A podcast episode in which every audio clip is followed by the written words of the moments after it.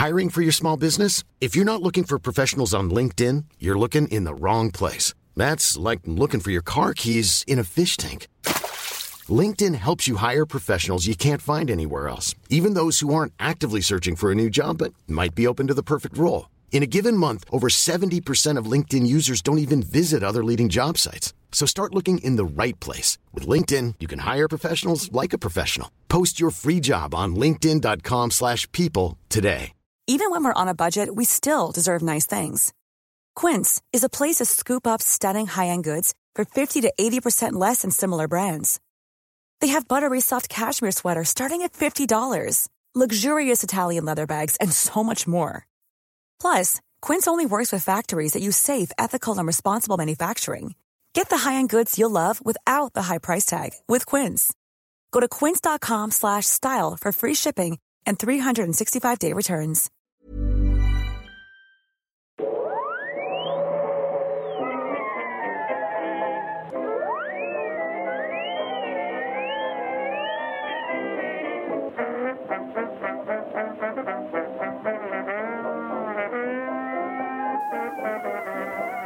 Då börjar jag i stort sett bara.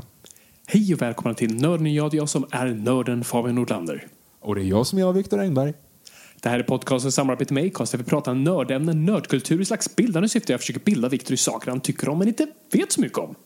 Och jag är ju som sagt jaget i den här konstellationen, men jag vill ändå lite grann säga så här, vi vann va?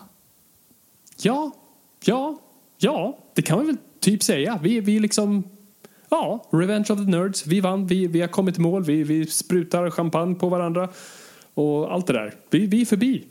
Det är över. Ja, champagne, gör man verkligen det? Eh, eh, Ja, alltså, release the Snyder Cut. Ni som, ni som eh, hör det här har kanske redan sett det i, i ämnesraden. Vi ska ju prata Snyder Cut, Fabian. Mhm. Ja, ja, det blir, blir ju ett annorlunda avsnitt den här gången för er då som kanske Eh, snubblar in här för första gången likt en eh, mörk bar en, en lördagkväll. Eh, vad vi vanligtvis gör här är att vi dissekerar nördämnen som är i, i eten, i luften, i, i tillfället. Om det är någonting som kommer på bio eller på tv som just hanterar någonting om nördkultur så försöker jag bilda Viktor då här i de sakerna för vi, vi, vi connectar ju kring saker vi, vi, vi båda älskar vi- men, men jag vet ju lite mer om dem. Så att eh, ge lite kontext till Viktor och förhoppningsvis dig lyssnare och så, ja, har vi kul på vägen. Men idag ska vi inte riktigt vi- göra det. Exakt, i och, i och med att eh, bak- bakgrundsstoryn är ju såklart att eh, vi, vi connectade en gång för länge sedan mellan med Star Wars och James Bond och allt möjligt sånt där. Och sen så följde Fabian sina drömmar och gick liksom och jobbade med, med sin passion och blev manusförfattare. Och jag jobbar på bank, så att det är lite grann därför vi har den här konstellationen.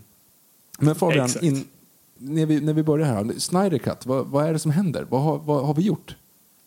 Ja, oh, gud, det, det, det, det är så mycket. Så, så jag jag ska komprimera här först och sen, sen ska jag kasta en fråga till dig, Victor. Så, så Snyder Cut är i stort sett eh, regissörens vision av en film som, som antingen släpptes eller slets från hans nävar. Eh, släpptes på bio eh, när det inte riktigt kanske var så som han hade tänkt i form av eh, Justice League eh, 2017. Och efter det så följdes en stor, eh, massiv digital rörelse där folket krävde den rättfärdiga versionen av regissörens vision så att säga. Så, och det, allt det där kulminerar i vad som då kallas Release the Snyder Cut. Men först Victor, jag, jag vill först bara fråga dig innan vi går, går på djupet i vad det här fenomenet är.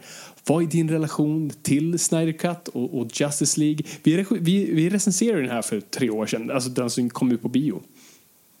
Ja, exakt. Jag lyssnade om det avsnittet bara för att liksom få lite så här känsla. Du är ju ganska negativ, det måste jag säga. Jag är ju lite försiktigt positiv, men det försvarar jag i att jag satt bredvid typ en så här sjuåring som var helt eld och lågor över att han fick se sina idoler liksom på skärmen. Jag bara så här, ja, Ja, det kanske är det som är grejen. Jag är 27 år, ska snart gifta mig, jobbar på bank och, och, och sitter här och liksom bedömer barnfilm. Jag, jag har inte rätt att säga det här. Nu, när jag dock är äldre och eh, redan är gift och jobbar fortfarande på Bankvis. Och, men, men, eh, och ser om den, för jag såg om den för några dagar sedan och tänker så här, ja, det där är ingen höjdarfilm alltså.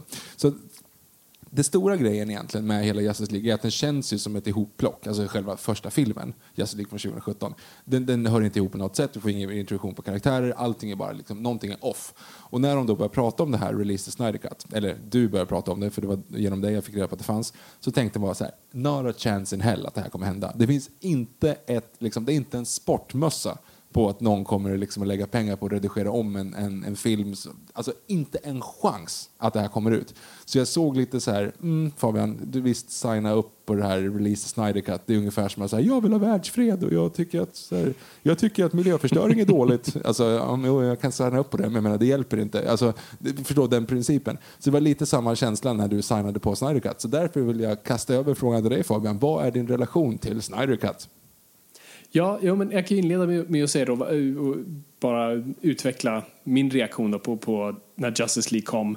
Eh, som vi då tyckte i den sessionen, liksom jag tyckte, jag tyckte det var en själlös film, tror jag, kom, kom ihåg att jag sa. Eh, jag tyckte att den inte hade en röst, en identitet, en själ. Eh, det kändes som ett hopsjok av visioner, eller inte ens visioner, av bi eh, statiska bilder och det kändes som en studio som totalt hade våldfört sig på ett material och bara det här, det här ska vi ha. Eh, och det kändes bara fel.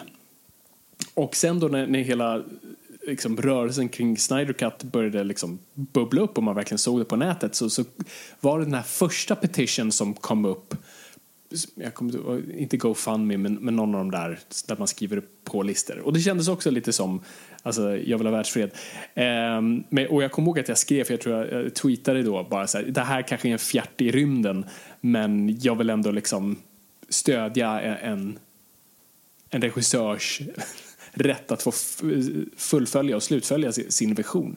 Eh, och det är lite så jag har sett det. Liksom. Jag, jag har sett det här lite som att, för, och ni som har varit med oss i podden ett tag nu vet att jag har en väldigt delad Eh, Ehm, bild och relation till Zack Snyder.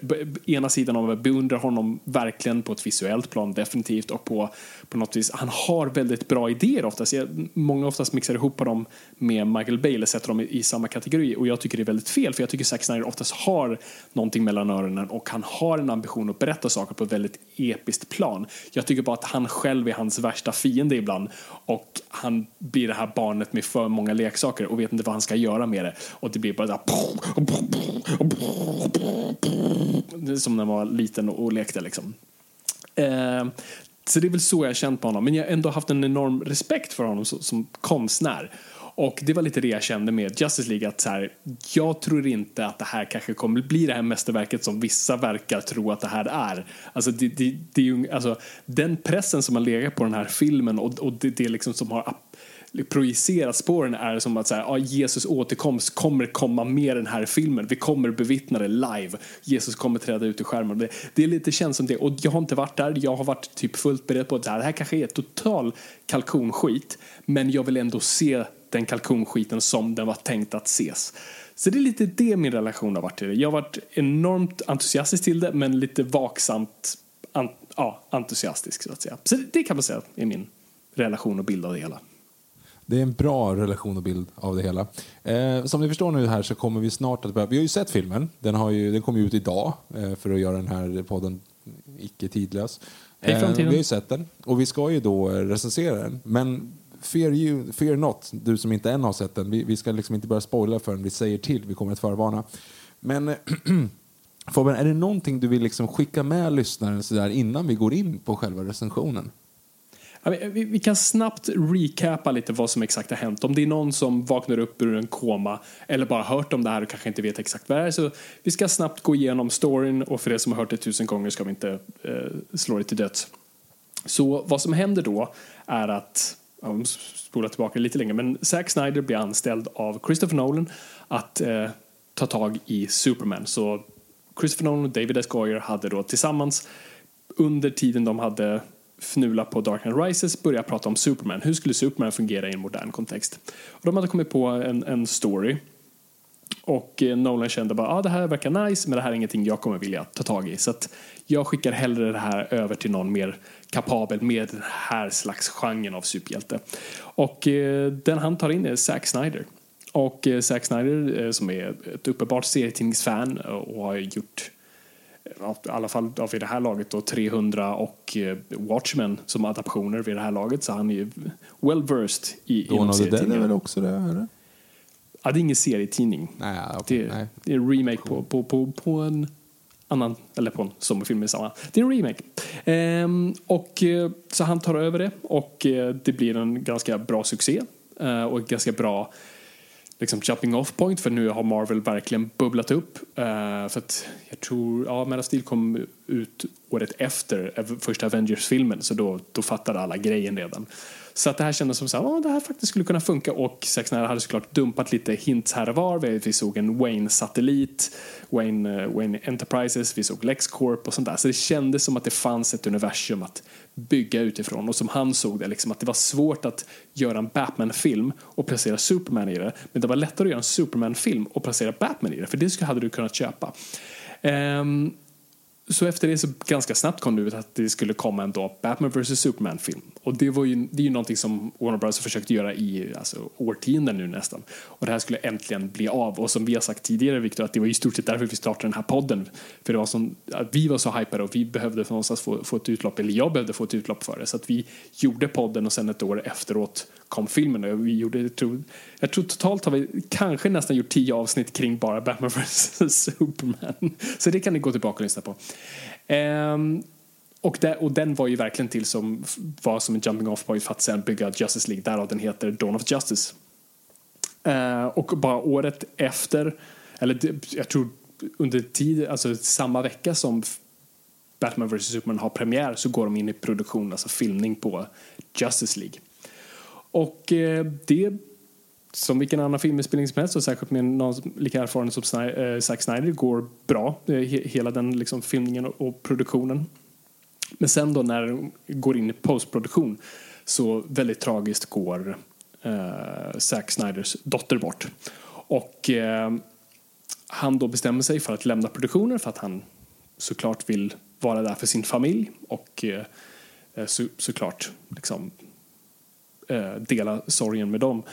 Eh, och eh, Warner Bros bestämde sig för att säga, ja, men vi tar över, liksom, vi har en deadline, vi har premiärdatum, så det här måste fortsätta. Så de tar in Joss Whedon, eh, som då såklart vi alla vet har regisserat första Avengers och andra Avengers och såklart gjort massa annat. Men det är det han är, han är där för.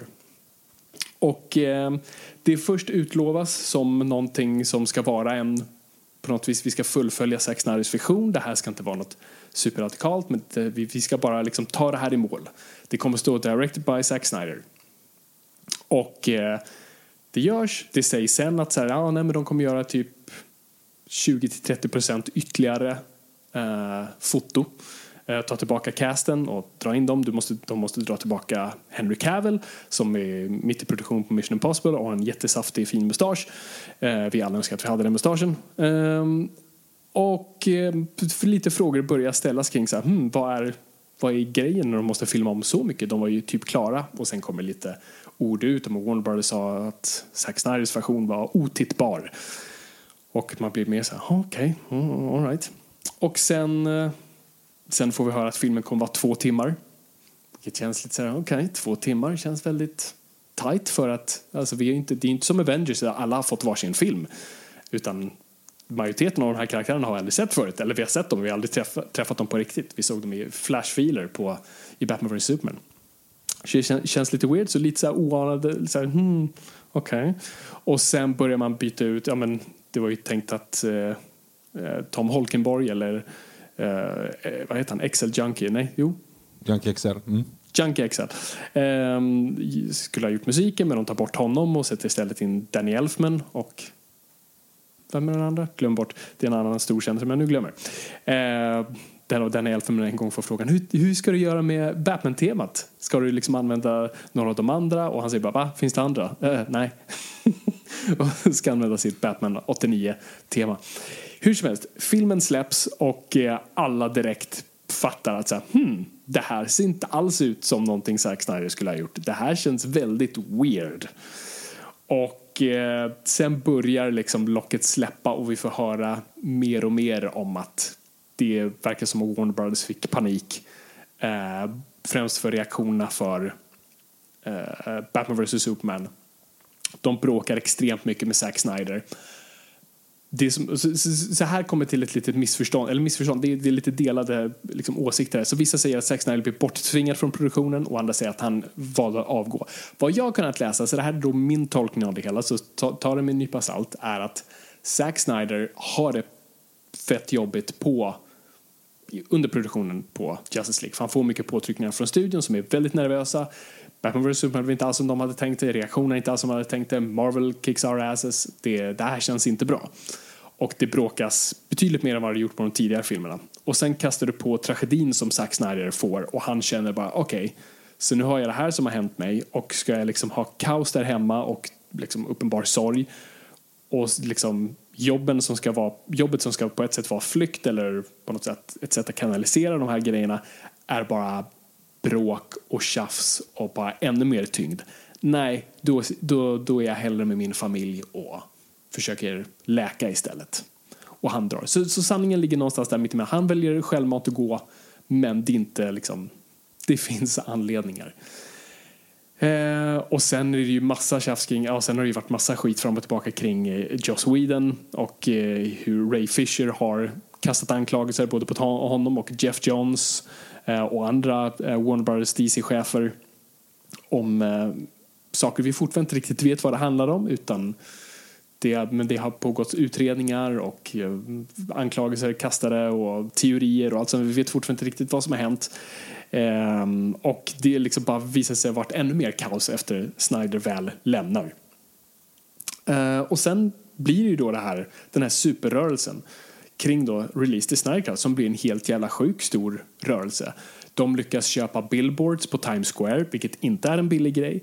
De flyger så fly, flygplan med banderoller över Comic Con, DC released Snyder Cut. Och, de, och det som är ganska coolt med det också är att de varje gång de lägger ut pengar för någonting så lägger de lika mycket pengar i då, eh, det finns en amerikansk då eh, välgörenhetsorganisation just för självmord.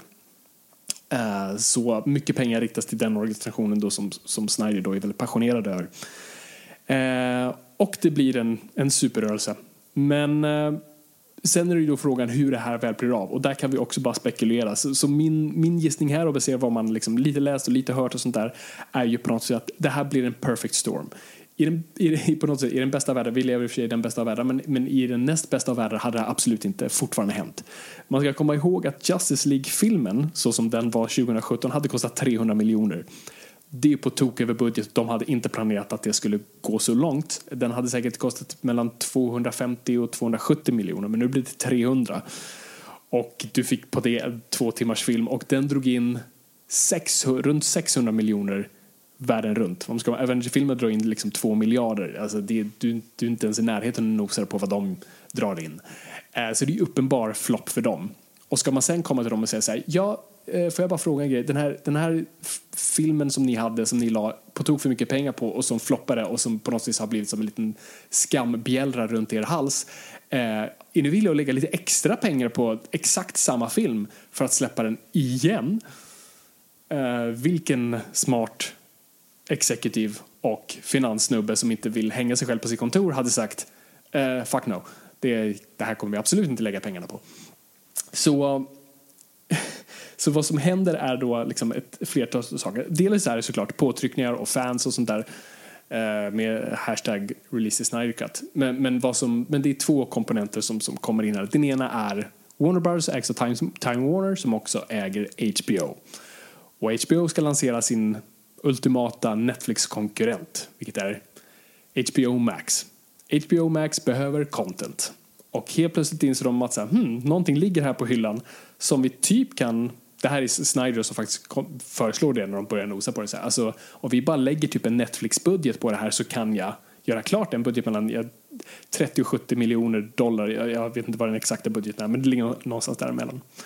Och det är typ en, Netflix, en saftig Netflix-budget. Och eh, sen ska man också kasta in covid på det hela.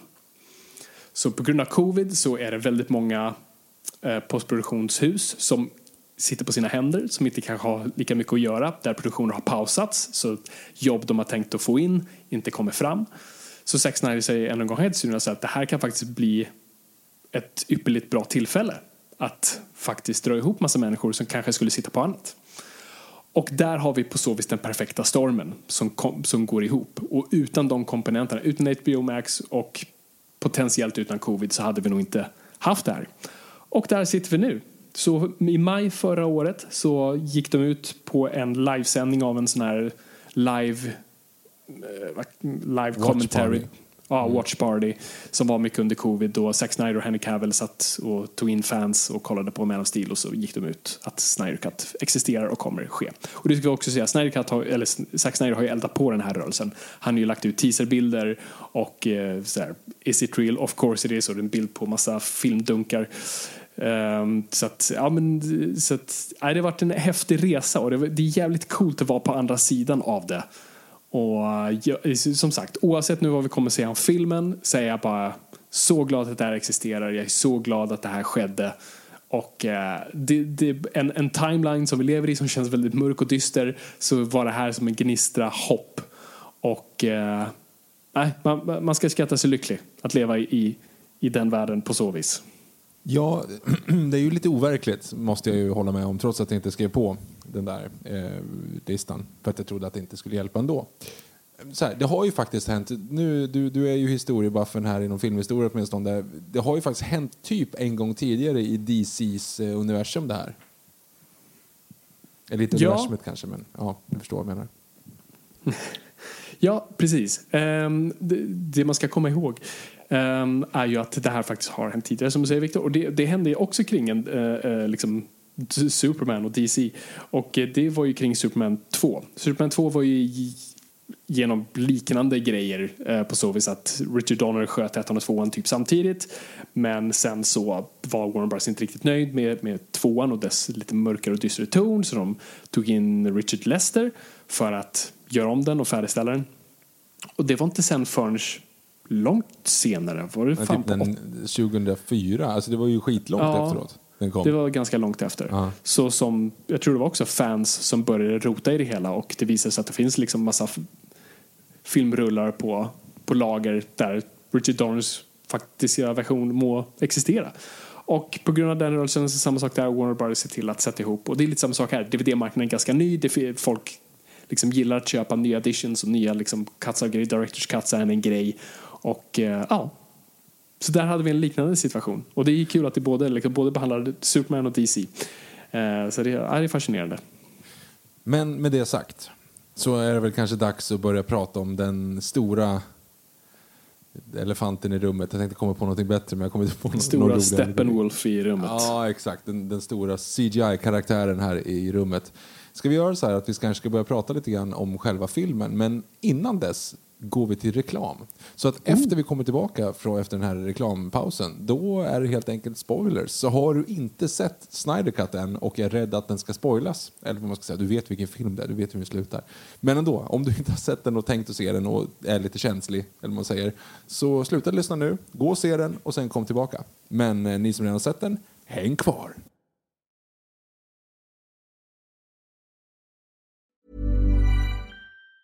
If you thought the only way to get a more defined jawline with natural-looking results was through surgery, think again. Juvederm Volux XC is a non-surgical injectable gel filler that improves moderate to severe loss of jawline definition and can help you achieve natural-looking results with little downtime. Even better, this improved definition lasts up to one year with optimal treatment. No maintenance required. Improve jawline definition for a smooth, sculpted look with Juvederm Volux XC. For important safety information and to find a licensed specialist, visit juvederm.com. That's J U V E D E R M.com. Not for people with severe allergic reactions, allergies to lidocaine, or the proteins used in Juvederm. Common side effects include injection site redness, swelling, pain, tenderness, firmness, lumps, bumps, bruising, discoloration, or itching. There's a risk of unintentional injection into a blood vessel, which can cause vision abnormalities, blindness, stroke, temporary scabs, or scarring. Talk to a licensed specialist specialist to find out if it's right for you.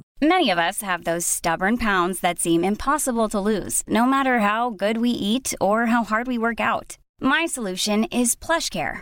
PlushCare is a leading telehealth provider with doctors who are there for you day and night to partner with you in your weight loss journey. They can prescribe FDA-approved weight loss medications like Wagovi and Zepbound for those who qualify. Plus, they accept most insurance plans. To get started, visit plushcare.com slash weight loss. That's plushcare.com slash weight loss. Hey, it's Paige DeSorbo from Giggly Squad. High quality fashion without the price tag. Say hello to Quince. I'm snagging high-end essentials like cozy cashmere sweaters, sleek leather jackets, fine jewelry, and so much more. With Quince being 50 to 80% less than similar brands. And they partner with factories that prioritize safe, ethical, and responsible manufacturing. I love that. Luxury quality within reach. Go to quince.com slash style to get free shipping and 365 day returns on your next order. Quince.com slash style.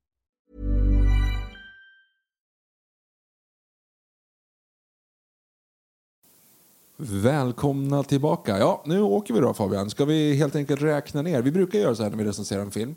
Att eh, vi räknar ner och sen så samtidigt så säger vi helt enkelt ja, men ett uttryck eller ett ord eller whatever för att liksom, uttrycka våra känslor. Jag vet inte vad du tycker. Du vet inte vad jag tycker. Jag vet inte vad någon tycker. Det är, det är ganska absurt. Jag har inte kollat jag har inte kollat en recension, jag har inte, liksom inte läst någonting. Jag, jag har ingen aning om vad folk tycker om den här filmen. Jag har bara mina egna åsikter. Man säger. Och det, är, det är lite läskigt. Det, det är inte jag van vid. Jag alltid lyckas liksom, man lyckas alltid på något sätt se någonting. Hur som helst, jag räknar ner. Och sen på nio, då vill jag att du ska säga vad du tycker om filmen helt enkelt. Just det, nio. Så, då åker vi. Fyra, Holiday Special. Fem, sex, ett, två, tre, sju, tre och en halv. Åtta, Solo Star Wars Story. Nio, Is this the real life? Is this just fantasy? jag kan inte sjunga för jag har eh, täppt näsa. Vad sa du? Jag sa yay. Med ett litet, som ett Yay. litet så här, yay, glatt men ändå lite frågetecken. Jag ska, jag ska, lä- innan ni, ni hör nu vad jag, vad jag tycker och tänker. Jag har sett den här en gång. Jag såg den på morgonen. Eh, för den var så lång. Och, eh, och vi spelar in samma dag. Så att det, det, tankar är väldigt mycket upp i luften just nu. Och vi kommer återbesöka det här efter vi har recenserat Wonder Woman också. Och då kommer vi göra en Q&A där vi kommer lyssna på vad ni tänker och eh, vi, vi också samlar våra tankar och vi kommer besvara era frågor. Så att bara brasklapp på att det här är första reaktioner. Um, Referens till biskop Rask som uh, satte in en liten lapp under sitt sigill när de eh, vre, vräkte Trolle från stäket. Härtill är jag nödd och tvungen. Fabian, fortsätt. Ja, tack. Eh, nej men, och, det, och det är också som weird grej, för när man ser en sån här film, det är så många grejer som, som kommer in i det. Och det är därför det är så svårt efter första gången. Du, är liksom, man är både exalterad för att säga, åh herregud, det här är någonting som man bara knappt vågade drömma om för ett år sedan. Nu är det här. Eh, och jag är liksom ett DC-fan och serietidningsfan. Jag är också ett filmfan. Eh, och det, det, liksom, det är massa grejer som, som cirkulerar där uppe. Så jag vill bara kasta in de här grejerna. Men så jag säger yay för att så här, okej, var ska jag börja någonstans? Okej, så det första jag vill kasta ut är att det här är inte det bästa som har hänt efter skivat bröd. Det, jag såg inte Jesus eh, träda ut ur skärmen. Det här är inte liksom det bästa som någonsin har hänt mänskligheten. Kasta ut det. Men frågan då först är väl då, är det här bättre än 2017 Justice League? Och svaret är ja. Ja. Och ganska rejält ja. Vad jag saknade med Justice League 2017 var just själ, röst, integritet, identitet. Och alla de boxarna prickar det här. Vad jag kollar på nu är en faktisk vision från en person som hade en idé, fullföljde det rakt igenom och levererade. Jag känner att jag tittar på Zack Snyders Justice League. Det, det är väldigt passande titel att den heter Zack Snyders Justice League för det är precis det jag tittar på. Och det gjorde mig väldigt glad, väldigt exalterad för hans skull. Jag är ju typ glad för hans skull mer än för min skull att få se den. Jag var så här, fan vad kul Zack att du fick göra det här och att du ändå liksom fick de hyfsat fria tyglarna att bara leverera en jävla fyra timmars epos i aspect ratio 1 till 3,1. Och det, det är liksom, det är helt sjukt och jag är bara glad att jag får bevittna det. Och jag är tacksam för det. Så bara det gör mig typ glad. Sen kan vi gå in på detaljerna. För du har liksom de klassiska Zack Snyder-grejerna som jag har lite svårt för. Men du har också grejer som så här. Fan, det där gjorde du väldigt bra. Så det, det är min spontana liksom, inramning. Viktor? Min reaktion var ju helt enkelt introt där på mm, eh, Queens bra, braiga låt. Nej, men så här, första delen av det du sa, det var det jag tänkte på. Så här, shit, det här hände verkligen. Alltså fan vad weird. Det är ju den här filmen. För som sagt, jag hyrde ju Justice League. för några dagar sedan och för att kolla den 2017 Justice League bara för att liksom ha den färskt i huvudet. Sådär. För att när vi kom ut från, från biografen efter att ha sett den så var det så att jag, jag kände typ, ja, ja men det, här, det är väl så här superhjältefilmer ska vara, den är väl bra eller? Fast jag tyckte ju att det var bara ett CGI-bonanza och jag var inte engagerad överhuvudtaget. Men så bara så här, ja men jag kanske helt enkelt är för gammal, det här är liksom, det här är eh, tipping pointen liksom, som gör att jag ska sluta kolla på sånt här och gå över på svartvita tjeckiska dockfilmer. Liksom. Eh, men, men istället nu då, så är det ju så här, okej, okay, men nu, nu förstår jag vart vi kommer ifrån och nu så är det liksom någonting som är helt annorlunda. Det är samma scener, det är, många av scenerna är ju liksom såklart kvar, men nu förstår jag vad de betyder. Mm. Alltså, det är ju en sån helt annan karaktärsutveckling på typ alla. Ja, nummer ett um, att det ehm. är en karaktärsutveckling. Ja, eller ja, ens karaktärspresentation. Alltså, men fan, Aquaman är ju typ inte med i, i bioversionen. Nej. Uh, och Cyborg är ju ingenting. Liksom. Nej. Um, men, men sen så, så här, det som, det som är förvirrande för mig det är ju att jag kan typ inte bedöma det här som en film. Den är effing fyra timmar lång och jag har typ redan sett den. Fast jag inte har sett den. Alltså det, det, det, det, är liksom, det är en utomkroppslig upplevelse och det är lite därför jag, min reaktion är att sjunga de stroferna. För att så här, är det här en film ens? Fabian, är det här en film? Kan man räkna det här som en film? Ja, ja, ja det, det, är en bra segway. Eller, eller segway, det är precis det jag, jag, jag, ville prata om det också lite. För att så här, det är absolut Zack Snyders vision och det, och det ska vi verkligen säga att det är. Men det är också så här, men ändå inte. För den här hade ju inte släppts på bio för fem öre. Nej, nej, såklart inte. Den hade, I bästa fall var det 3 och 10 kanske. Kanske. I, I absolut bäst, sjukaste ja, fall. Det, liksom, ja, ja. 2.45 hade de, hade de lyckats få det till. Liksom. Och jag kollade på intervju med Zack Snyder och, och han sagt att det här, var liksom, det här var den versionen vi först levererade. Och det är det ju ofta, alltså rough cuts. Men det här var inte ens rough cutten, det här var den de hade huggit ner på och liksom verkligen filat så gott de kunde. Var liksom fyra timmar lång. Och jag vet att vissa spekulerar också om så här, ja, ja, men det är för att det skulle vara part 1 och part 2. Det var det ju snack om i början att det skulle komma en part 1 och part 2. Men vad jag har förstått från Zack Snyder, jag kan ha fel i det här. Inte av det här materialet va? Nej, det är det vi inte vet initialt i alla fall. Men, men, men baserat på intervjuer nu så säger Zack Snyder nej, det här var liksom tanken som, som en film. Så vitt jag förstår. Eh, så det är no chance in hell att det här hade liksom kommit ut och no chance in hell att det fått vara i det formatet tror jag. Det, det tror jag studion har varit svårt att sälja liksom, för det här skulle vara deras Happy Meal-film. Liksom, det här ska vi sälja alla leksaker på, det här är liksom the stepping off point för vår franchise. Allt det där det hade ju uppenbart inte det varit liksom Kom kids, nu ska vi se en fyra timmar lång film i 4.3 format. Grab your popcorns. Uh, no. Den är, en, den är en halvtimme längre än um, The Irishman. Ja. Ja, dessutom. Så, så, så, det ska vi verkligen så här flagga för att så här, det här är ju inte bioversion. Det här är ju Zack Snyder som har fått de friaste av tyglarna att bara få göra exakt som man vill ha det. Och på det också, den, hans ultimata version som vi också kommer få se snart som de kommer släppa om ett tag är ju den svartvita versionen. Så kasta det också på det hela. Det är liksom, så som Zack Snyder vill att du ska se den är i 4.3 med i svartvit fyra timmar utan paus. Eller det ska vara en intermission egentligen det han vill. Så det kommer komma en IMAX-version sen när vi väl får gå ut på biograferna igen. Där det ska vara en intermission. Jag tror kapitel 4 är intermission-kapitlet. Hmm. Okej, okay, men, vad, men vad tycker du om alltså så här, Vi kanske ska gå igenom först så här, någon form av så här, de stora skillnaderna. Mm.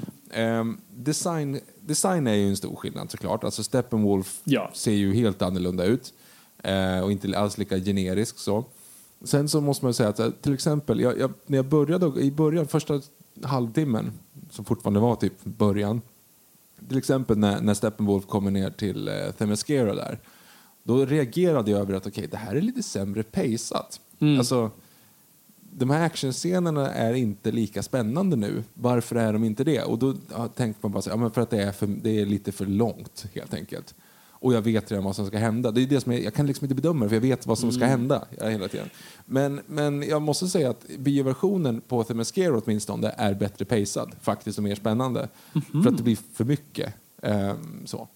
Eh, och sen så är eh, den stora grejen egentligen är ju, är ju annars det är ju slutet. Och där är det ju liksom den här versionen i hästlängder. Alltså bioversionen är ju knappt tittbar. Man fattar ingenting. Vart, man vet inte vem, vart någon är, man vet inte vem någon är. Och, ja just det, just det hela taket för Paradigm, så har vi glömt bort det? Varför har ni klippt bort det? Alltså, mm. så man fattar ingenting i, i uh, bioversionen. Och sen så korsklipper de mot de här uh, familjen då som, som ska vara Eh, någon form av liksom så här, ögonen på backen. Och en stor grej framförallt, alltså nu, okay, nu, nu, du får stoppa mig, men jag bara går, Nej, går igenom sådana saker rent så här, alltså som, som är designen. Och det är ju att du ser ju inte vad som händer i slutet på bioversionen. För det är bara liksom Big Floppy Donkey Dick av röda liksom, så explosioner över. Du ser ingenting. Nu har de tonat ner det lite grann. Det är fortfarande CGI-bonanza. Men det är ju väldigt mycket mer nedtonat jämfört med hur det såg ut där. För det är inte lika skränigt. Det är liksom, det, de har bytt färg mot blå istället. Det är, allting är isblått istället för bara tvärrött Ja. eh, i färgschemat. Ehm, och sen så har du ju den stora grejen, måste jag ändå säga, det är ju karaktärerna. För att de har inte reducerats ner Barry Allen till, ja men han är ju en comic relief såklart. Och eh, Arthur Curry är ju en catchphrase. Alltså det är helt, helt bi- bisarrt hur han är hanterad i, eh, i bioversionen. Så jag gillar verkligen vad de har gjort med det. Och, och som sagt också Cyborg som sagt som knappt ens är med. Alltså han är ingenting. Han är bara en, en dator. Någon form av exposition, eh, exposition-studsare liksom.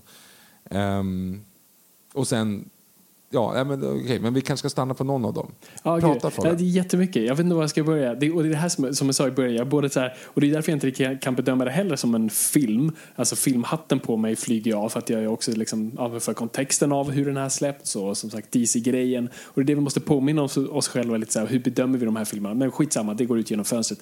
Eh, Jag, jag, jag, vet, inte, jag vet inte heller. Alltså det, är- det jag, Nej, jag vet, jag vet inte vad jag ska... Det, Vi börjar på Steppenwolf. Okej, då. ste- vi börjar på där. Steppenwolf. Uh, alltså, designen så mycket bättre, mer intressantare och framförallt så här, han fick ju mycket skit för att här, ah, det är en generisk CG-monster bara eh, med en tråkig design och, det, det, och jag trodde att det var en av grejerna som skulle vara kvar, helt klart. Så jag tänkte här, ah, det är mm, Zack Snyders track record, det, kom, det är nog vad det är.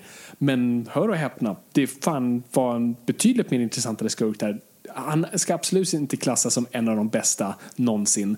Det är fortfarande liksom det är ingen intressant idé med, med Steppenwolf, men jag kommer komma in på det också lite varför. Um, eller ja, ja, jag ska nog nämna det, men uh, jag kommer till det. Uh, så mycket. Uh, men nu har han ju faktiskt motivation. Eh, det vilket känns som att, ah, men nu förstår jag exakt vad han håller på med och varför. Och jag på något vis här köper det. Det är, det är faktiskt något som gör honom lite intressant. Det är inte bara mord, död, jag ska ta över världen. Ut, Det är sådana sjuka generiska repliker han kör i, i bioversionen. Det är bara så här, this world will fall Mm. like everyone else. This world will fall soon. This world will fall.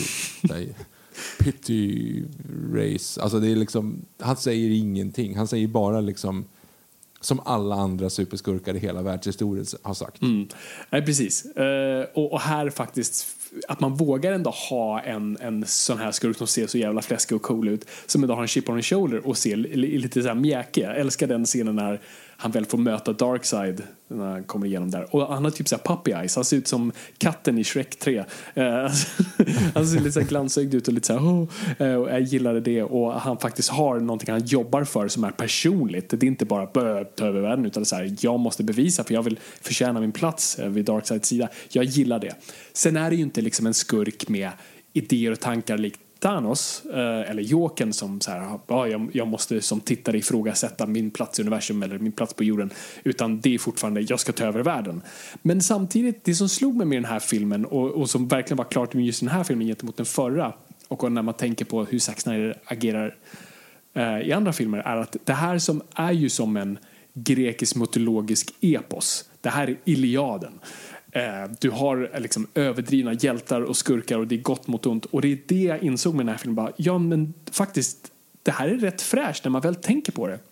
För att vi har haft 10-15 år nu av skurkar på ett positivt sätt där vi ska på något sätt hålla med om skurkens motiv.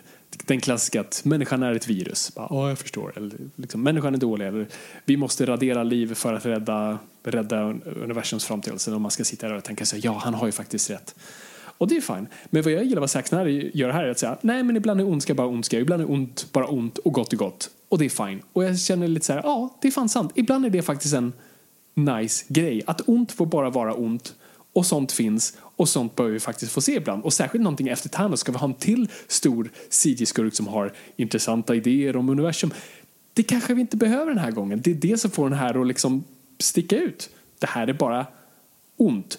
Men det jag, vill, det jag ändå hade velat ha lite är att vara vad Iliaden och mytologi oftast gör är fortfarande att med de här stora grandiösa sagorna, det är ju oftast moralsagor som ska på något vis ändå få oss att säga hmm, det här får mig att tänka på vad är mod gentemot det här? Eller vad är det om jag greppar efter för mycket, vad kan jag Alltså det är ju oftast moralsagor. Och jag kände väl, det hade jag önskat någonstans här, att det hade funkat som en moralsaga någonstans, att någon av de här karaktärerna hade genomgått en resa som hade funkat på en lite mer universal nivå.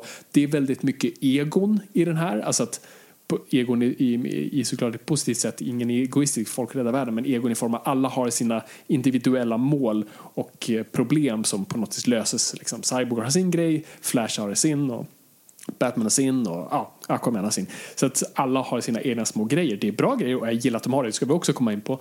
Uh, men jag hade bara önskat någonting lite mer där. Men jag gillar bara så här, nej men Darkseid, precis som du säger, är bara den här snubben på en stol som bara vill förgöra allt och det är fine.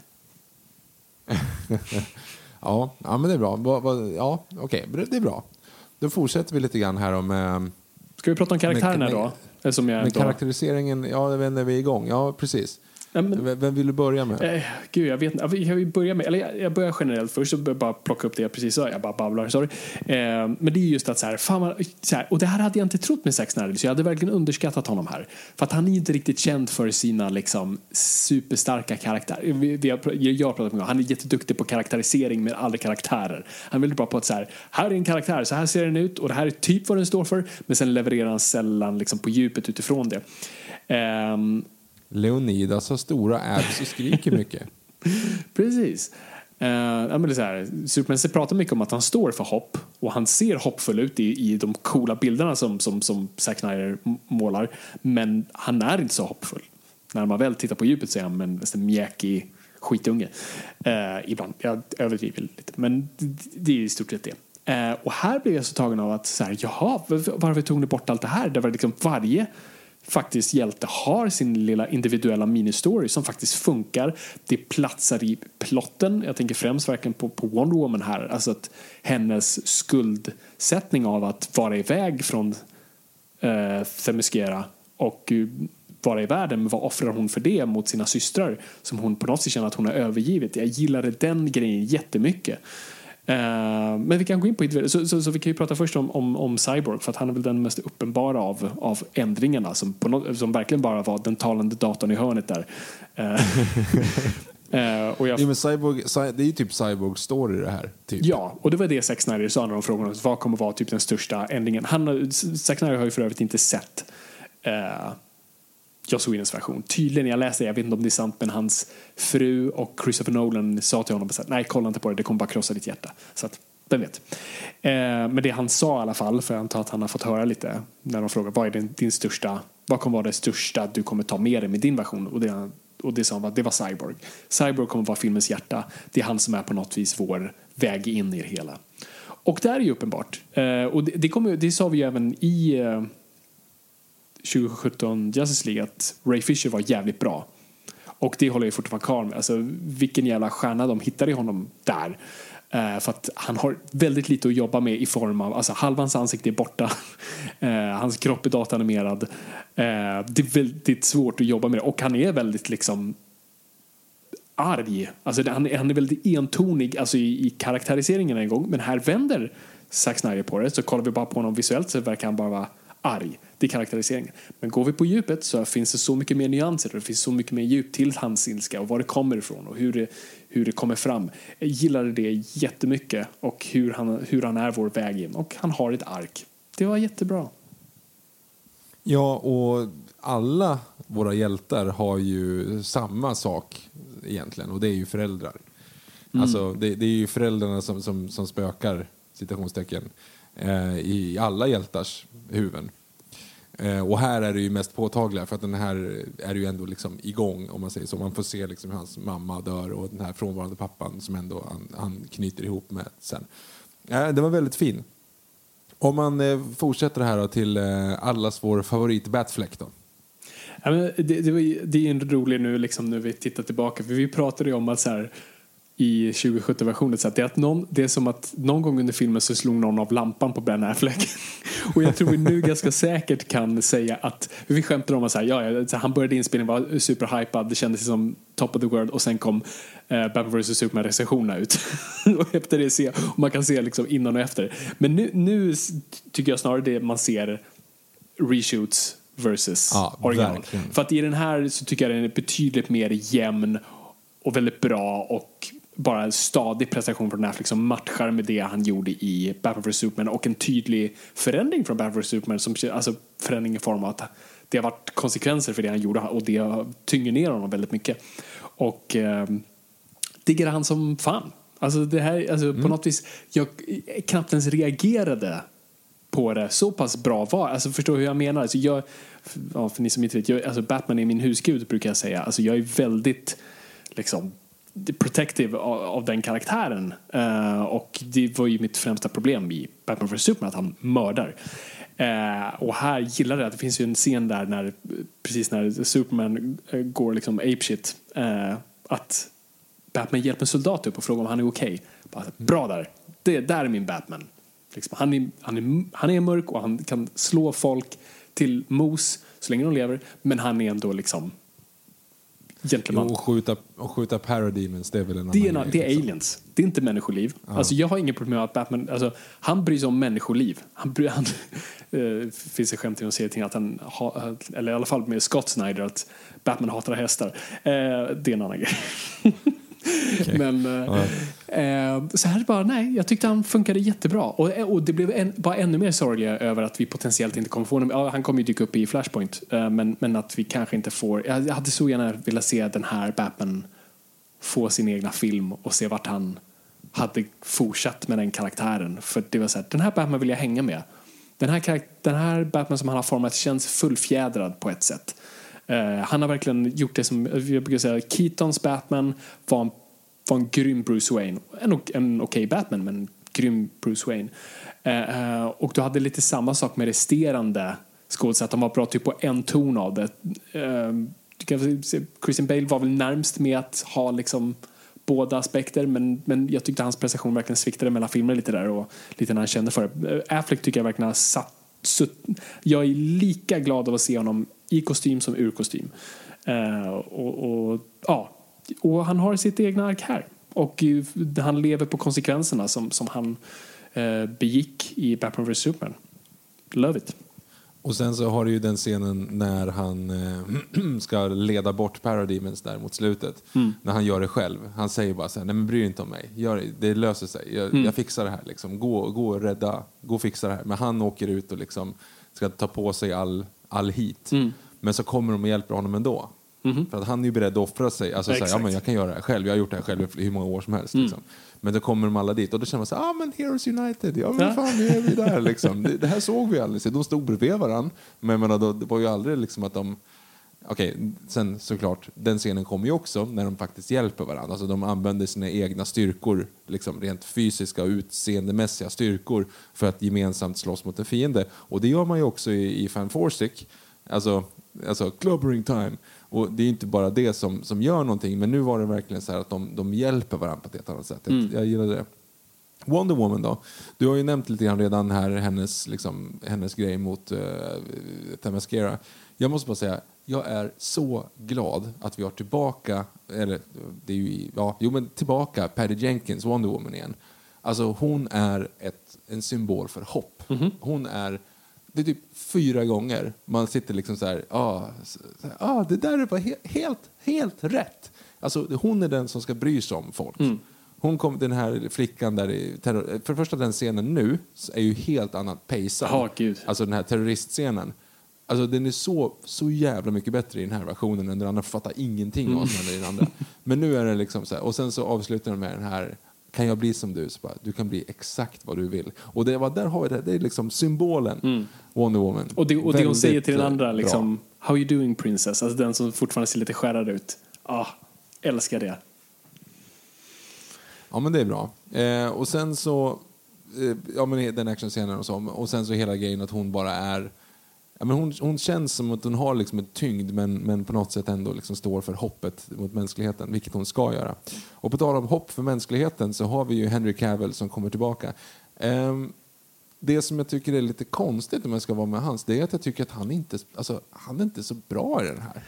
Jag, jag slogs av samma sak faktiskt. Och här ska jag säga någonting lite kontroversiellt. Jag föredrog minus Mustache Gate, eh, 2017-versionen av Superman, än här. Jag kollade om uh, Man of Steel häromdagen. För det var länge sedan jag hade sett den. Vi, kollade om, vi gjorde ju vår DVD-kommentar här eh, förra avsnittet på Batman vs Superman. Så lyssna på den om ni inte har gjort det. Går att kolla på, eller lyssna på även om man inte tittar med oss. Men så tänkte jag att ah, jag måste se Man of Steel också. Jag vill peppa inför det och jag vill verkligen se hur den var. Eh, och jag har ju varit på, jag har ju varit en Man of Steel apologist, jag har gillat den och jag har på något sätt, jag har känt mig lite ibland som någon som så här lever i ett destruktivt förhållande när det kommer till Cavill Superman. Jag gillar Cavill jättemycket och jag gillar verkligen hur han har tagit på sig den här rollen. Så, så minst det är hans fel, men det är just karaktäriseringen av honom.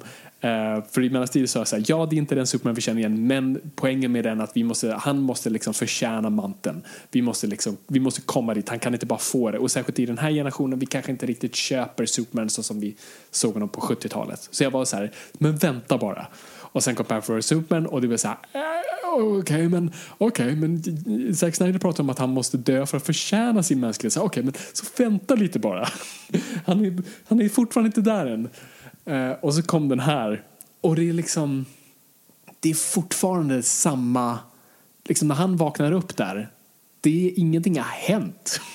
Det är samma Henry Cavill, lite den här liksom halv-emo, lite liksom mm, ler inte så mycket och sen när han väl liksom pucklar på Steppenwolf för då är det samma gamla liksom så här superintensiva arga Superman som bara skjuter laser och slåss liksom. Där föredrog jag dessvärre eh, 2017-versionen så var lite mer liksom, när han väl vaknade då var det då log han lite mer, han, han var lite töntig och, och var väldigt naiv. Och liksom, det var Superman jag kände igen. Och det kände jag på något sätt här bara, nej okej, så vi är tillbaka på ruta det här, det här är nog den Superman vi får och kommer leva med. Ja, vi får ju se nu. Men, men i, den, i Zack Snyder-universumet så är det, det här är hans Superman.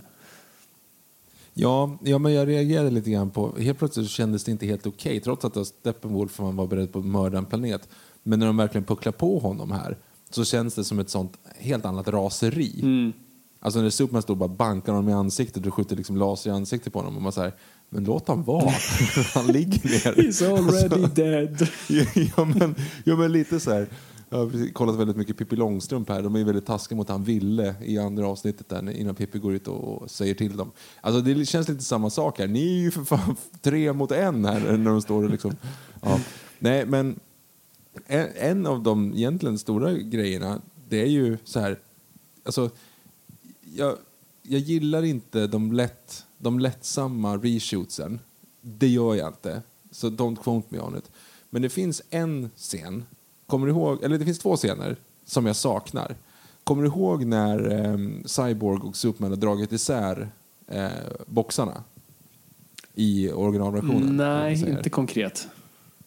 För det, det, är, det är en det är en väldigt cheesy replik. För han säger ju, typ när de drar så här, men var försiktig så här, yeah I prefer not being dead eller något sånt där. Mm. Typ säger han ju. Eh, alltså, och sen så river de sönder den och sen så ligger den där och ont. Och så typ, typ så här, oh, now I prefer being dead. Typ. Mm. Det är en dålig replik. Mm. Men sen så börjar de att skratta. De ligger bredvid varandra och garvar. Mm. Och det var så här, vad fint. Mm. De här har inte träffat varandra så mycket, eller de har inte träffat varandra innan. Men de liksom, det är så här, okay, nu delar de ett moment. Och man tänker liksom, mm. jag ser där Henry Cavill ser ut som en gud. Och bara så här, ja, men han, han står för någon form av hopp. Liksom. Alltså, mm. Det är mm. någonting som var liksom fint i den. Um, och det saknar jag helt här. För här är han ju verkligen bara så här, man vet ju inte om han litar. Alltså när han är Louis säger så här, ah, det, du är du igen. Och man bara så här, vänta lite, dra inte lasern i ansiktet på honom nu. Alltså man, man, tycker liksom inte, man är inte riktigt säker på om han är tillbaka eller inte. Um, så att jag, jag, jag, blev lite konfunderad kring liksom, ja, det, det kändes inte Superman. Det kändes inte liksom glatt. Det kändes bara mopey. Hur som helst, det går vi över till en, en del karaktär eftersom en scen som jag verkligen saknar. Som jag känner så åh nej, var det Joss Whedon? Fan vad tråkigt. Jag hoppades verkligen på att det var Zack Snyder. Kan du lista ut vilken? Uh, ja, för jag har en. Jag har två. Ja. Den har jag glömt bort nu. Men den ena är Aquaman sitter på Lasso of Truth. Ja, nej, Ah, okej. nej, nej, den fattar jag var jätteweeden ju.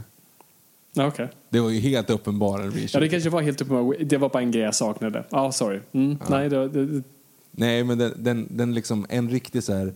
Vi har ju pratat väldigt mycket i den här podden om att vi tycker om heroiska ögonblick. Mhm. Vi liksom, bästa Bond, eh, de bästa Batman-momentet är liksom när Val Kilmer står i, i Batman, nej, Batman Forever.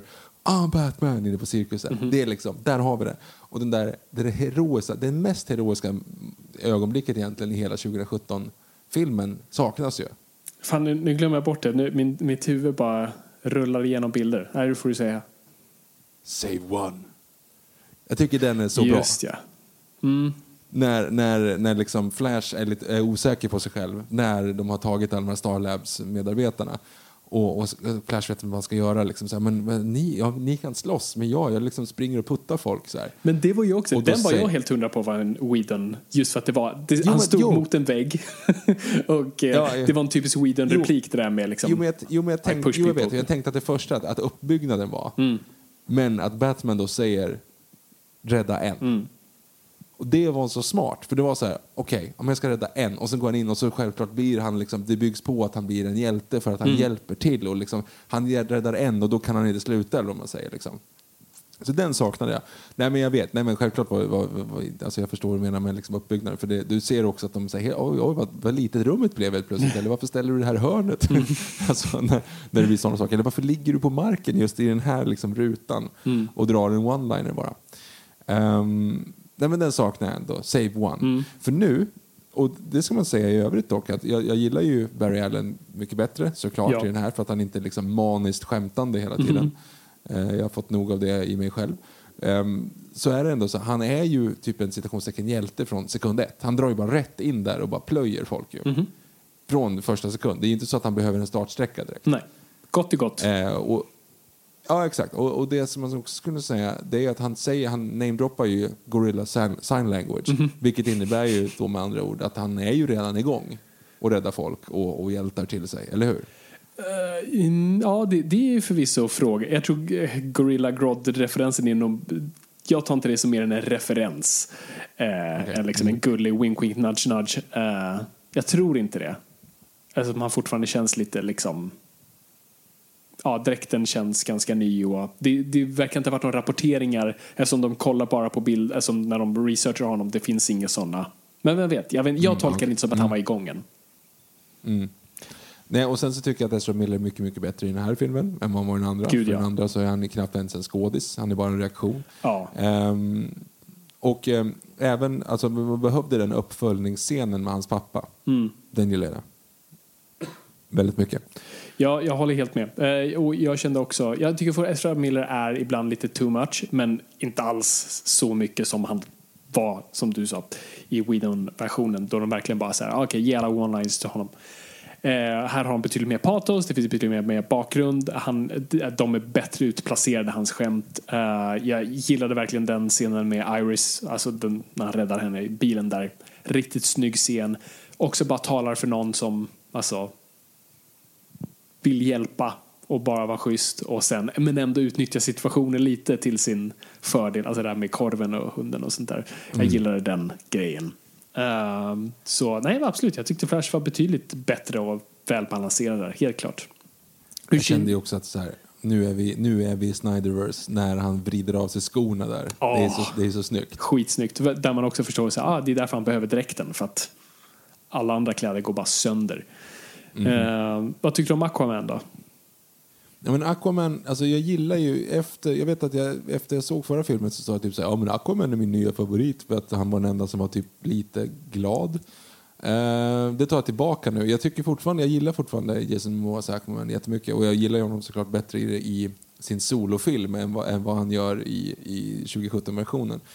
Ehm, jag tycker fortfarande att han får väl egentligen minst att jobba med i den här. Um, och det som är lite störande eller vad man säger, det är att jag vet ju vad som händer sen. Alltså, det här är ju en uppbyggnad till hans film och vi har redan sett den filmen. Så när han börjar prata om sin brorsa och halvbrorsa och farsan och du vet så här, mamma och man bara så här, vi vet, vi vet, vi, vi kommer snart dit. Alltså det, blir, det är liksom svårt att, att, att bygga upp. Amber Heard får inte så jättemycket att göra. Um, Vi har uh, Willem Dafoe som smyger in där. Mm -hmm. Det, det, jag vet inte, det bygger inte så mycket till låren. Jag, jag, jag, jag har svårt att bedöma den faktiskt. Vad tycker du om honom? Jag tror det är också svårt med tanke på att när man ska tänka på när den här skulle ha kommit. Den skulle ha kommit innan Aquaman-filmen såklart. Eh, Nu har vi fått Aquaman-filmen plus Justice League 20. Så nu har vi mer också kontext kring hans bakgrund. Och jag tror hade det, inte funnits så hade vi verkligen greppat efter allt där. Okej, okay, det här är det, det här är det, okej, okay, det här är hans bakgrund. Men jag håller med dig. Jag tycker också att han får väldigt lite att jobba med här. Och då vet inte riktigt var de ska platsa in honom för att liksom, du har dina mörka dystra, du har gott om dem. Du har din skämtsamma där. Du har din med lite mer mörker och patos i, i Cyborg och Chip on the shoulder. Så, så Aquaman hamnar lite liksom åt sidan där. Eh, han får fortfarande ett nice, liksom, en nice profil. Det här med att vara mellan två världar och inte riktigt bry sig om någon. Jag gillar den aspekten i det. Men, men håller helt med dig om att nej, han får inte så mycket att jobba med. Men han är fortfarande bra och det är Däremot- mysigt. Men eh, det är ju jävla temposkillnad, eller eh, inte bara tempo, det är överhuvudtaget bara liksom scenen där på Island. Mm. Förutom sången som jag inte fattar, som jag inte riktigt gillade. Men, men eh, scenen inne på, i baren där, eller vad det är, i det där tinget, liksom, den är ju mycket, mycket bättre pacad i det här. Oh, liksom. Ehm, och nu börjar man känna igen det, för det, det, alltså, scenerna i den här är ju pacad som i trailern. Ja. Och om man sa det så här, varför är trailern bättre än filmen? Alltså så här, den är liksom, filmen förstör alltså trailer-momentet typ för att, alltså just i för att det läggs in konstiga liksom, vinklar och det går långsammare och det blir någonting så weird. Men nu, nu är vi tillbaka på den. Ehm, ja, nej, jag, jag vet inte, Aquaman, det är väl möjligtvis kanske lite grann det svarta fåret i, i, eh, i sammanhanget. Ehm, jag måste också bara lägga in här, om vi ska få, är, vi, är vi klara med Justice League? Jag, jag tror det. bara Jag tror vi fick alla. Ja. Ehm, för då kommer vi komma in kanske lite grann på effekterna. För det var ju en stor grej. De filmade inte om så mycket Nej. egentligen. Väldigt lite. De bara fick ju liksom lägga in effekter för att de hade Ben Affleck framför en green screen. Mm. Och då har andra passat på att lägga in andra scener. Liksom. Och ibland är det fan inte speciellt bra alltså. Nej, men eh, och det där är lite så av två världar. Så, så det, och framförallt fullt förstående för det oavsett vad. Alltså Zack Snyder har oftast väldigt effekttungt, vilket oftast betyder att effekttunga filmer Även de största så är det så här, vissa är kill you darling. Så här, Okej, det här kommer se skit ut för vi måste lägga kraft på det här. Så du kommer alltid få det. Och sen lägg på det att du har en betydligt mer limiterad budget nu att jobba med. Nu har du mer en tv-budget och eh, du kan inte lägga så mycket tid på allt. Men kunde de inte ställa Jesse Eisenberg i riktigt vatten bara? Alltså det är ju liksom, kom igen grabbar. Alltså det, Eller liksom när, den här, när han kommer ut och träffar Martian Manhunter som också kommer in.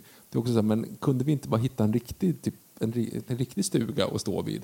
Alltså det är ju så inåt helvete mycket green screen. Ja. För helt plötsligt så märker du så här, oh shit det där är ju på riktigt. Alltså när de är på Island. Mm. Och jävlar, de är ju utomhus. Alltså, kolla, ljus, så där fungerar ljus. Kolla, så där fungerar liksom gräs, träd och stenar. Ehm, för det gör ju oftast inte det i alla andra scener. Alltså till exempel när, när Wonder Woman är uppe där på eh, Heras tempel är det väl inte. Det är väl, det är ju inte Apollon heller. Ja, det är något av de där templen. Ja, men, och det är så här, uh, uh, det är lite, påminner lite grann om, eh, kom, vad hette den filmen med Morgan Freeman och Jack Nicholson? När de skulle, när de höll på att dö. Och skulle Ja, ah, just det. Vad fan saker. hette den? Den hette typ, Inte Bucket List. Jo den hette Bucket List men på svenska hette den väl typ så här Rena rama livet. Eh, re- ja, men, vårda livet, lev livet för fan innan livet lever fan med dig. Alltså det är någonting sånt där. Eh, någonting sånt. I alla fall, den, där finns det ju en scen där de sitter på pyramiderna. Ja, just det. Och det ser ut som att det är gjort i Pinnacle Studios 2. Alltså, det är liksom, och det var lite den känslan också. Så här, Oj, bakgrunden rör sig fel. Alltså, de, har inte ens liksom, de, har inte, de har inte ens satt tejpbitar för att veta hur liksom fort kameran ska röra sig. Nej. Och det var lite tråkigt. Och Cyborg ser ibland också jävligt weird ut. Men det är också så att det är, en, det är en robot. Jag vet ju inte hur en cyborg ser ut på riktigt så det är lugnt. Liksom. Ehm, Nej, men det... det Men sen- ja, förlåt. ja. Fortsätt. nej, nej, men och sen så är det ju mot slutet där så är det ju CGI-bonanza och då ser man knappt vad som händer. Och det, så är det ju alltid i de här filmerna. Liksom. Ja, ja men det är ju där man märker att det här ska ses på bio, verkligen där i tredje akten. Bara se, ah, jag ser knappt någonting. Jesus Christ, det är för tjockt nu. Um, så det fick man ju känslan av. Nej men jag håller med alltså det är som jag sa där, alltså jag tror det är verkligen en, en limiterad budget, limiterad tid. Uh, du, har, du, liksom, du måste verkligen cut your losses och satsa på det du verkligen vill satsa på. Som, så här, ja, vi måste få de här kompetenserna bra ut. Så att, uh, ja, uh, så känner jag. Hur, hur kände du med, med 4-3 eller 1-33? Jag fattar ingenting först, men sen var det ganska skönt att titta på det. Mm. Alltså det var så här, ja nu är all, allting händer här, jag slipper ha koll på kanterna. Nej men alltså 4-3 var ganska behagligt att titta på Ja. egentligen. Jag slogs av det också. Det var, det var typ det första som vann mig över till, till den här filmen. Bara så här, fan Snyder, att, alltså att du balls på dig där, att du vågar i ett format som folk absolut inte är liksom bekväma med och särskilt den yngre generationen. Vi växte ju upp med tv-apparater som hade det formatet. Men det man glömmer bort är att det formatet som, och det är det Snyder, liksom, varför han gick över till det var för att när han hade filmat IMAX-scener för Batman vs Superman, framförallt då Apocalypse-scener, eller det är ju inte Apocalypse, men postapokalypsscenerna. Ehm, så, ja, de filmade ju dem med IMAX-kameror. Och han var så himla imponerad av det, för det formatet. Det är inte 1.33 utan det, jag kommer inte ihåg det formatet, men det är liknande i alla fall. Och han tyckte just att det såg väldigt passande och passade just sådana här karaktärer som han sa. Alltså att, att eh, superhjältar är väldigt, eh, nu ska vi se, Avlånga? av, av, vertikala, är jag rätt nu? Mm. Ja, de är väldigt, Vertikala. vad sa du? Jag tänker på Vertical Limit, filmen med Isabella Scorupco från typ 2002. Tack. Ja, men de är väldigt, väldigt vertikala, de är stora, de är liksom större än livet och du tittar upp på dem. Liksom. Ehm, och han kände att så här, det format passade det här mycket bättre. Ehm, och därav ville han göra så han sköt på ett klassiskt format som jag tror även Jurassic Park var skjuten på, vilket är 1.85 uh, 1. Ehm, det är ungefär, det är egentligen vad din TV har för format. Då får du inte de här linjerna liksom högst upp och högst ner utan då är hela skärmen fylld. Det gjorde Jurassic Park också för de hade dinosaurier som de behövde liksom kunna se mer uppåt. Så han sköt det på den och sen så, men sen på det så högg han bort kanterna. Och det mer liknar hur ett 35 mm negativ också ser ut. Eh, så det tyckte jag var så här, fan vad coolt att du gör det. Och som du säger, man vänjer sig sen. Och jag tyckte det gav en effekt som, som jag verkligen eh, bara uppskattade och kände bara, fan det här är coolt, coolt ballt. Och det, här är, det, det är det här som på något vis får den här världen att sticka ut gentemot Marvels. Att, att DC kan vara liksom DC, att det här, här har de här eh, jag på att säga entreprenörer. Eh, Viktor, hjälp mig. Inte Autörer. eh, som verkligen får sätta sitt, sitt prägel och sitt märke på filmen och det är inte del av en cookie cutter Eh, band eh, det ska bara rulla ut grej på grej. Det finns absolut i Marvel också. Det här är inte att bajsa på Marvel. De, de gör sin fabrik väldigt väl. Men jag gillar just att jag sitter här och tittar på. Det är ju uppenbart hans vision. Ehm, och sen gillade jag också jag men att Holkenborg var tillbaka. Och eh, gjorde musiken, att de verkligen tog tillbaka och han fick tiden att göra det. I början tyckte jag det lät väldigt syntigt och det gjorde mig väldigt orolig. Alltså, åh gud, det här, det, här, det här låter först som någon som bara så här, okej, okay, Holkenborg, kan du bara sätta på keyboarden där och ge mig några tunes? Jamma lite. Ja. Vi spelar in direkt. Vi spelar in live. Nej men så här, jag, jag tänkte faktiskt en del. I början av filmen så tyckte jag inte att... Alltså så här, ah, det här är konstigt. Jag har lyssnat väldigt mycket på eh, Danny Elfman-scoret. Mm. Eh, det är väldigt bra dusch, duschmusik. Okej. Och, och ja, ja, men stay with me. Nej, men, nej, men, och där så blev det liksom så här, jag, jag blev faktiskt lite besviken på musiken, måste jag säga. Eh, med det sagt så tycker jag inte att Danny Elfman-musiken passar överhuvudtaget. Nej. Det är ju en fel film. Alltså, Ja, det är splittrat. inte så du det har gamla liksom. Superman-temat och gamla Batman-temat men nya Wonder Woman-temat och... Ja, men det är ju, det är ju petitesser egentligen. Alltså det är bara det är själva stora känslan i den. Liksom. Ehm, det som vann över mig var ljudet i Wonder Woman-scenen. För när den sätter igång så är det mycket bättre ljud. Liksom. Ehm, den är ganska tidig. Men hur som helst. Nej, men, och den, för en, till exempel den här jävla scenen med Aquaman när han går ut på bryggan där. Det här Kingdom of a King, Mm. Ja, just det. King of a Kingdom. Man såhär, vad gör ni? Ja. Alltså, det känns som att det är någon som har såhär, vänta nu har ni, här skulle ni lägga in någon annan musik sen och så har ni råkat trycka på liksom exportera. Det, det är det här, Snyder är väldigt weird med sina musikval. Ibland, alltså jag beundrar det på ett plan. Han gjorde någon teaser med en Tom Waits-låt och jag bara älskar det. Ehm, men ibland är han som i, alltså i Watchmen då han hade Hallelujah. Uh, kommer du ihåg det? Sexscenen uppe Ja, i, i skeppet där. ja, ja. Då man bara, "Vem- va? Den, nej, nej. Eh, och det är lite sådana grejer han gör. Han har väldigt konstiga val ibland av needle drops. Men ja, det är det, det, är det du betalar för antar jag. Eh, ja, weird. Okej. Mm. Fortsätt du om du har en... Jag har, klippning ska vi prata sen. Klippning. Ja, jag, jag, jag, bara, en sak som slog mig nu, bara, eh, på tal om liksom, skillnader mellan scener och sånt där.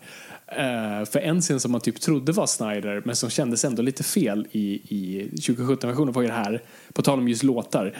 Eh, den låt som du tyckte väldigt mycket om, det här montaget i början av filmen. Ah, everybody knows. Ja. Ja. det, var det, det var det jag tänkte säga. Mm. Eh, för då har du ju eh, där allting var i slow motion, där folk typ så sparkar apelsiner upp i luften i slow motion och man bara säger okej det är typ Snyder men är det här verkligen där man lägger den slow motion? Det känns lite weird och det, nu känns det bara som Whedon gjorde ett fuck you till, till Snyder. Bara så här, vad är det han gillar? Ja, han gillar den- slow motion så skicka upp de här Men den apelsinerna. gjordes ju typ för att kunna få det att se ut som att det var han som hade gjort det. Men nu ser man ju vart de scenerna hör hemma. Mm. För jag kommer att man sitter och kollar på den så tänker man så här, okej, för, för till exempel, ja, det är uppenbart, alltså så här, okej, det är också enkelt att säga efterhand, men här hade jag fan kunnat sagt innan också. Alltså när de sparkar på apelsinen, den scenen, för det, det visar ju, det är någon form av eskalering, det är ju så här, typ nazister eller rasister Ja. som, som attackerar en, en eh, butik som ägs av, av minoritet, någon med minoritet, man säger. Eh, och det ska vi visa då, liksom, så att nu, allting håller på att gå och helt åt helvete utan Superman. Och det är ju själva liksom, andemeningen med hela den montaget. Men scenerna som inte går ihop är ju Louis Lane-scenerna. Mm. Hon ligger ju där i sängen till exempel och liksom känner på kudden och hon går omkring och är ensam till Sigrids då Everybody Knows. Eh, och det passar inte överhuvudtaget. I Nej. de andra ultra slow scenerna så passar inte hennes scener in och det författar vi nu för de scenerna ska ju inte vara i ett montage utan det är ju talscener. Hon gör ju det precis innan Martian Manhunter kommer och, och lajvar som Martha Kent. Ehm, så att det var ju fel. Det de ska inte vara där. Och det, det syns ju faktiskt när man tänker liksom på det. Ehm, och sen så har vi ju den stora grejen, eller den stora grejen egentligen, det är ju att vissa scener hör, är inte där de ska vara. Alltså de är omflyttade i själva manuset. Och jag ska säga att jag blev lite förvånad när för det, vi inleder ju på slutet på Batman vs Superman. Ja. Alltså att Superman skriker och den här scenen. Då säger ja men det är stilistiskt liksom. Men där spoilar vi Cyborg. Liksom. Så här, Jaha, okej. Ja, ja. Då vet vi hur han ser ut. För att sen när vi har hans reveal-scen så, ja, jag jag vet, jag vet hur han ser ut. Och du revealar mot Aquaman. Alltså det händer, du ser ju liksom, du får träffa alla redan där. Liksom. Vilket jag tycker var lite konstigt. Ja, inte Flash, men, men annars tyckte jag det var lite konstigt. För sen klipps det direkt till Island. Just ja. Och då fattade inte jag att det var ett tidshopp. Alltså, det, var så här, det, det, det, gav ingenting. Det var inte, det var fejdade inte ut, det var ingenting. Utan det var liksom så här, han skriker han sk och så följer man liksom längre och längre längre bort de här ljudvågorna. Och sen så är det som att vi är ännu längre bort. Fast jaha, det var Batman. Men han stod ju alldeles nyss vid... Ja, ja okej, ja, men nu är vi med. Alltså, jag tyckte det var lite konstigt liksom, klippt. För den scenen kommer ju inte där eh, sen. Och det var, det var några grejer som jag liksom reagerade över att jag vet inte om det är till det bättre. Jag, tänkte, jag reagerade bara för att det över att det var annorlunda och då är det svårt att bedöma. Så här, jaha, okej, så nu ska vi vara här utan att veta att de är redan ute och letar efter metahumans. Liksom. Eh, vi ska vara där utanför. One Woman säger väl så här, it's time. Och sen så klipps det till eh, att han åker till Island. ja till det. exempel. Precis, och det, och det är det- som var så konstigt att han hade skägg i, i 2017-versionen. Att det liksom, han verkligen åker till Han har gått Island. väldigt länge. Och så bara, vad fan, det där tar ju typ ett halvår att växa Han har gått väldigt länge. ja, precis. Ehm, och så måste klippa in att han rakar sig för att man ska förstå att skägget är borta. Det är lite kul. Ja, det var ju dock en Gillette. Eh, Ja, James Bond moment. ja. Liksom. Mm. Eh, nej men, det, jag har ingen riktig poäng i det. Det var bara att jag reagerade över att, att eh, den är annorlunda monterad. Och då är det så här, återigen, det är ju Snyders version det här. Det var ju så här det skulle vara. Men har de då suttit, har Joss Whedon suttit där så här, nej inte här, vi lägger den någon annanstans. Och så har de filmat in en scen, ja vi måste filma om det där så att det ser ut som att de som säger det här innan de åker dit. Okej, ja, men då gör vi det. Men vänta, nu funkar ju inte det här rent tematiskt mot den andra. Då måste vi ändra den scenen också. Okej, men då ändrar vi den scenen också. Så har det bara blivit liksom ett lapptäcke av ett clusterfuck till, till liksom, för att få det make sense fast det inte gör det. Liksom. Mm. Det är det ofta, det, jag tror du verkligen satt, eh, jag tror du förklarade det där själv. Liksom. För det blir ofta så i filmprocessen, även i manus, alltså plockar du ut en sak så måste du bara flytta om allt annat. Du kan inte bara plocka ut en sak och sen bara pff, klistra ihop de två ändarna. Utan har du flyttat på en sak, då måste du flytta på allt. Eh, och det var väl det de gjorde då. Så, ah, vi måste ändra den här grejen och sen bara fuck, okej, okay, fixa det där och så måste vi reshoota det och så måste vi, okej, okay, han måste säga det här då så att vi fattar det. Så klipp in det. Eh, Affleck är fet, skitsamma. Eh, och så... Och så, nu syns det ju väldigt... Vi åkte till effing Island och ställde liksom Jason Momoa i midjehögt vatten. Han står och fryser här hur ska vi kunna göra det här igen? Men han vill inte det. Ah, okej, men då gör vi green screen. Men vi kan inte klippa mellan det. Jo, jo, det är ingen som märker. Alltså, han, det, kort, håret blir decimeter kortare och allting blir bara helt annan matt färg mm -hmm. mellan scener. Um, jag var nära på att säga någonting där emellan förresten, som var innan. Um, skitsamma, jag kommer kanske tillbaka till det. Vad, vad tyckte du om Darkside för övrigt? Vi har inte nämnt det. Det är en ganska stor ändring. Mm. Ja, alltså så här, som du sa, det är bra att han har en, ett motiv. Men tyvärr så är jag ju lika jävla oengagerad i det här igen. Jo, det jag tänkte säga för övrigt, eh, pacing och klippning. För jag kommer tillbaka till det. Ja. För de har ju uppenbarligen tagit bort den scenen med Wonder Woman när hon letar och hittar liksom hela förklaringen bakom de här motherboxes, så att det är hon som förklarar det. Eh, om någon anledning så vill de inte ha kvar det. Så då var de tvungna att lägga in ett annan scen där man revealar de här motherboxes. Och Kommer du ihåg vilken scen som revealar att det är tre boxar? Uh, ja, för att jag tyckte det var helt sjukt. Det är det dummaste jag sett. Ja, -huh. det var ju den här uppenbara uh, reshot-scenen och som också kändes bara en fuck you till Snyder i form av användning av slow motion. Ja, men det är ju egentligen inledningsscenen till Batman i Whedon-versionen när han fångar en skurk på ett tak för att locka till sig en Parademon och så slåss han mot Parademon till den typ exploderar och den lämnar efter sig ja, till, alltså, inbrända märket av tre symboler. Som det vore liksom... Va? Varför ska den göra det? Och var, är, letar man dem? Är de tre symbolerna där för att han tänker på dem? Eller alltså, så här, vad, vad, vad kommer det ifrån? Det hade varit mer symboliskt som att tappat en lapp där det stod liksom find this och så var det tre lappar. Eller tre såna här. Alltså det hade varit mer logiskt att han exploderar. Ja, men när han exploderar och lämnar liksom märken av de där. Och det, är så här, och det är uppenbart så här, hur ska, vi, hur ska vi etablera det här nu att det finns de här motherboxes om vi inte har den här scenen? Ja, jag vet, ja, no, jag vet inte. Jag vill ha en, en fråga till dig Fabian. Om man räknar bort introt mm -hmm. eh, där, där vi ser Batman, Wonder Woman och Superman liksom in, in costume en snabbis. Hur lång tid tar det innan vi har Batman Batman. Batman? Eh, Batman i kostym. I den här filmen, uh, shit, mm. när dyker han upp i sin kläder? Uh, gissa en tidkod. Gissa Aha, bara så här. Två timmar, nej men typ en timme kanske? Ja. 1.47. Åh oh, jävlar. Ja. 1.47 in i en film som från början var två timmar lång, som, mm. säga, som på bio var två timmar lång, så är det första gången vi ser Batman i dräkten är en timme och 47 minuter in. Ah oh, shit. Jag tänkte inte ens på det. Det är fan, och det är också, så här, det är också props till filmen och så här, jag satt inte och väntade på så här, ta, ta på, put on some clothes, uh, take it off. Uh, jag satt snarare där liksom och bara mm, var med och hängde med filmen och sen tog han på sig dräkten och det var mm. lugnt. Tänkte inte på det. Intressant. Ja, nej men jag, jag är ostrukturerad i min recension här känner jag. Ja, men Darkside var vi inne på. Eh, ja, Ja, men Darkside är så här, ja, alltså tyvärr, man kanske blir gammal, men så här CGI-monster som ska förstöra världen igen. Okej. Okay. It's been done. Alltså, det är så här, oh, antimateria finns i jorden. Uh, Okej, okay. då, då, ska han förstöra. Okej, okay. alltså. Jag har inte, jag, nej, jag är inte så engagerad i det där. Alltså. Nej. Äh, det, det, är väl, det är väl där jag tror mitt filmfan serietidningsfan kolliderar lite för jag blev så här bara Darkside, de har med Darkside, de har med Darkside, oh my god, var är hans Omega Beams, såg du dem? Um, så jag blir ju bara glad av att han är där. Så jag tror det är där jag på något vis, där tänker inte jag kritiskt för jag är bara glad att liksom, åh oh, jag var bjuden till uh, födelsedagspartyt, fan vad nice. Jag kommer inte ifrågasätta det här. Um, så jag, nej, jag var nog bara glad. Hur jag tror man skulle hantera det här bara en gnutta bättre är just att och det kanske folk uppfattar det som, men jag vet inte. Alltså att man hade velat att Steppenwolf var Darth Vader och Darkseid kejsaren. Lite den här uh. mystiska där borta. Vi ser kanske inte riktigt honom i helhet.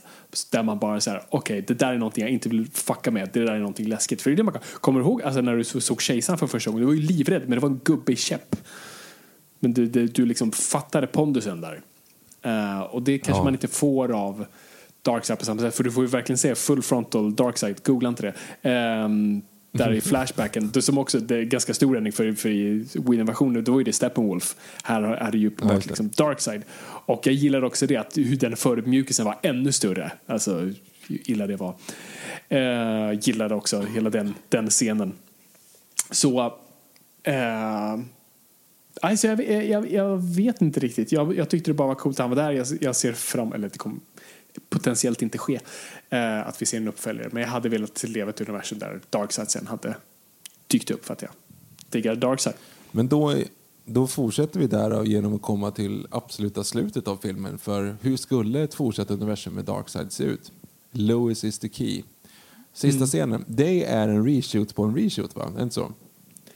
Eh, alltså hela postapocalypse-scenen. Ja. Ja. precis. Det som jag har förstått är reshoots rakt Och igenom. det, enda, och det enda jag baserar det på är att uh, Jared Leto var ju inte med från början utan han har kommit in det här senaste året. Ja. Och han är ju med i hela den scenen. Precis. Och då är jag också lite grann så här, ja just det, vi har, vi R-rated, vi kan dra referen- väldigt obskyra referenser till, till saker. Eller inte obskyra, obscena referenser. Ja.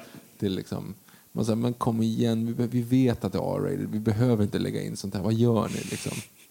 Ja, det var några fax där. Inte bara där, men också Ja, men- tidigare. Ja, men eh, I'm your best friend, who, would ever, eh, who else would ever give, be a reach around? Man mm. mm, okej. Ja, ja, kom igen, det är fortfarande liksom superhjältar vi tittar på. Mom! ja, nej precis. Um, den är ju en uppenbar reshoot, eh, definitivt. Och det är tydligen det som också uppföljaren då, för att besvara din fråga där. Alltså, så, det verkar som de går mot en injustice-grej. Alltså, det är ju hela gravidgrejen också som var helt borta från Whedon-versionen. Att Lois Lane hintar om ganska tydligt är gravid. Vi ser gravidtest och sen i slutet säger ju Bruce Wayne till Clark eh, congratulations. Och man, ah, okej. Så att eh, det, det, det, som jag uppfattar skulle det vara två, eller det har Zack Snyder uppenbart sagt. Så jag tror tvåan skulle vara ett, eller var det trean? Jag mixar ihop det, så att skitsamma. Så någon av dem skulle vara på apokalypstidslinjen och en skulle vara då när hela Apocalypse kommer att invadera jorden. Så jag kan tänka mig att det kanske är tvåan då och sen så ser vi då resultat av det och då ska försöka ställa om tidslinjen. Och Superman har blivit ond för troligtvis någon mördare Lois Lane och hans ofödda barn, vilket är väldigt injustice. Så mm, det är väl där. Så att vi hade absolut Ja. aldrig fått vår Superman. Sen hade Superman blivit superond. Ja, nej, men, eh, exakt, okej, ja, ja, men då är vi tillbaka där igen. Då. Det var det onödigt att de återupplivade honom. Eh, den scenen tycker jag också, det måste jag säga, hela återupplivningen av Superman kändes ju bara dum i bioversionen. Nu är vi tillbaka lite grann. Alltså, jag måste säga, hela den scenen de står runt de står runt det här bordet och pratar. Och så här, det, nu är jag med, det här gillar jag. Det är folk som använder sina egna liksom, erfarenheter och egna styrkor och hjälp och, liksom, till någonting större. Och de listar ut saker ihop och de är liksom, ja men för det här är kul. Och sen hela den här grejen då med att han ska återuppliva honom. Eh, eller så- förlåt, eh, Flash då som ska återuppliva honom. Och där är också någon sån här, varför ska vi bygga spänning kring att du måste, för det tog vi bort helt, du måste träffa exakt när den slår i vattnet. Annars går det inte. Ja, just det. Det de, har de ju tagit bort. Ja, nej, Det är helt irrelevant. Liksom. Exakt. Men det, det var också en sån här grej, var- varför bygger vi spänning kring det här? Det är klart att vi vet det. Alltså vi behöver inte bygga spänning att han ska återupplivas. Vi Nej. Mm. bygger spänning kring att han dog. Sen ska vi ha spänning av att han återupplivas. Och sen ska vi ha spänning utifall han återupplivas eller inte. Man säger, men kom igen, vi vet ju liksom. Det, det är stendum extra grej. Då var det Mm. bättre än här. Alltså, så här vi, ska, vi får inte aktivera boxen. Nej, precis. Så att Cyborg är ju livrädd för att liksom, eller han, hans, eh, han ångrar sig mitt i liksom.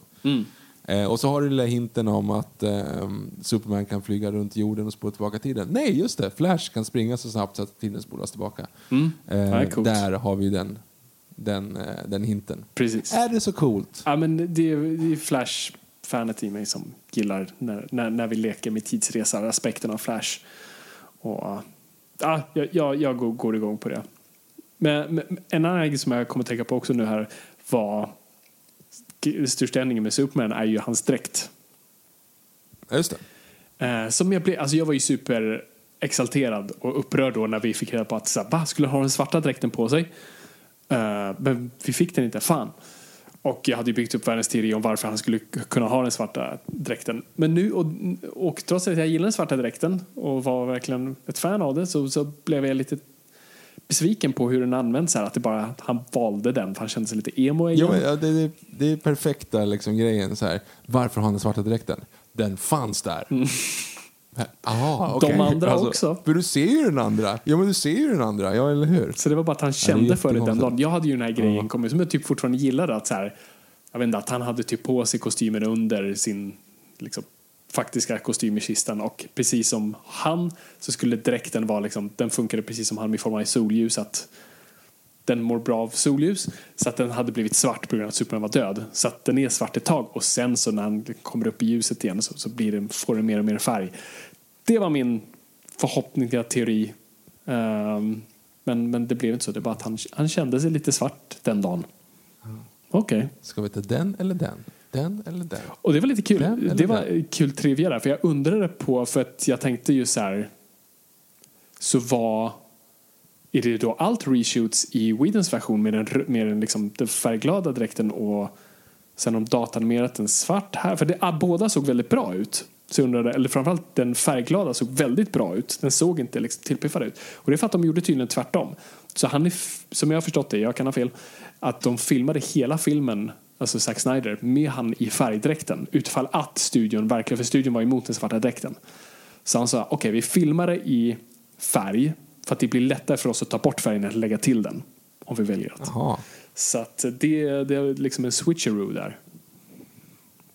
Det har jag missat. Mm. Men jag får bara ha sett en bild på när han har den, den andra dräkten. Alltså att Snyder la ut den behind the scenes. Ja, Det är möjligt fortfarande. Jag kan ha fel.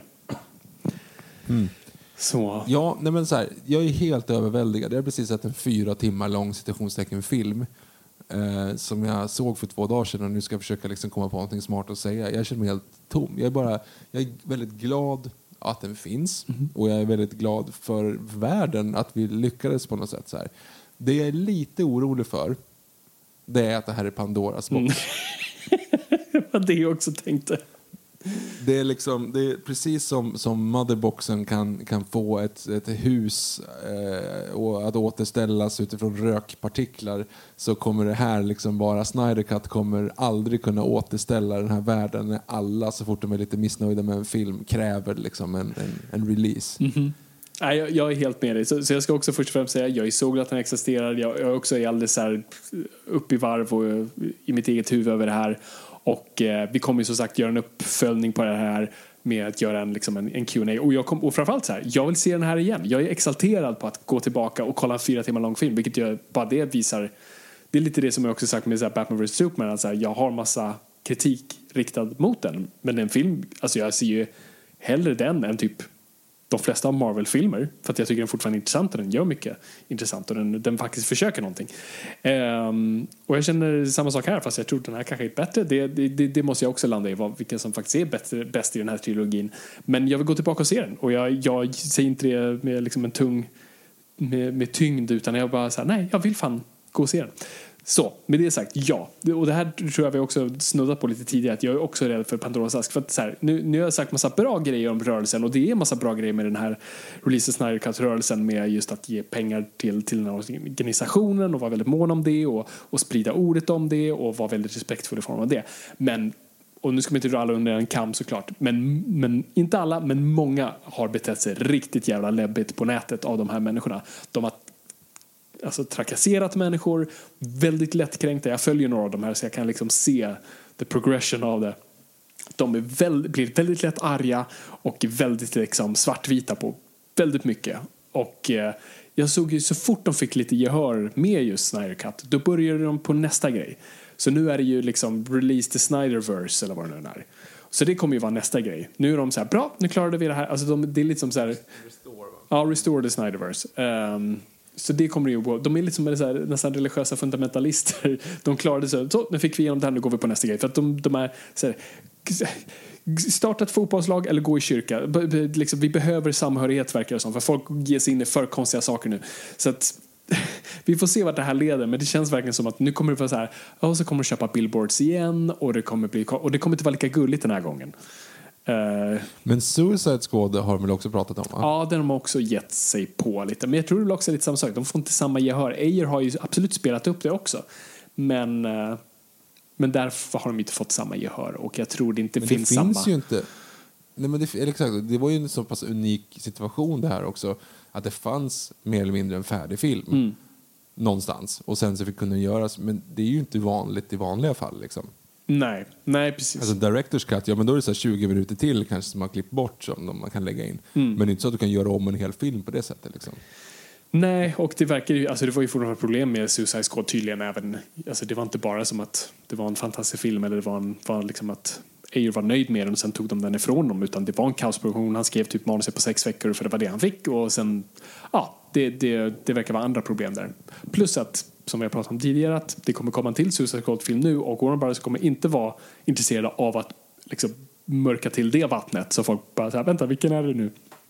Så att de kommer inte vara intresserade, just nu i alla fall.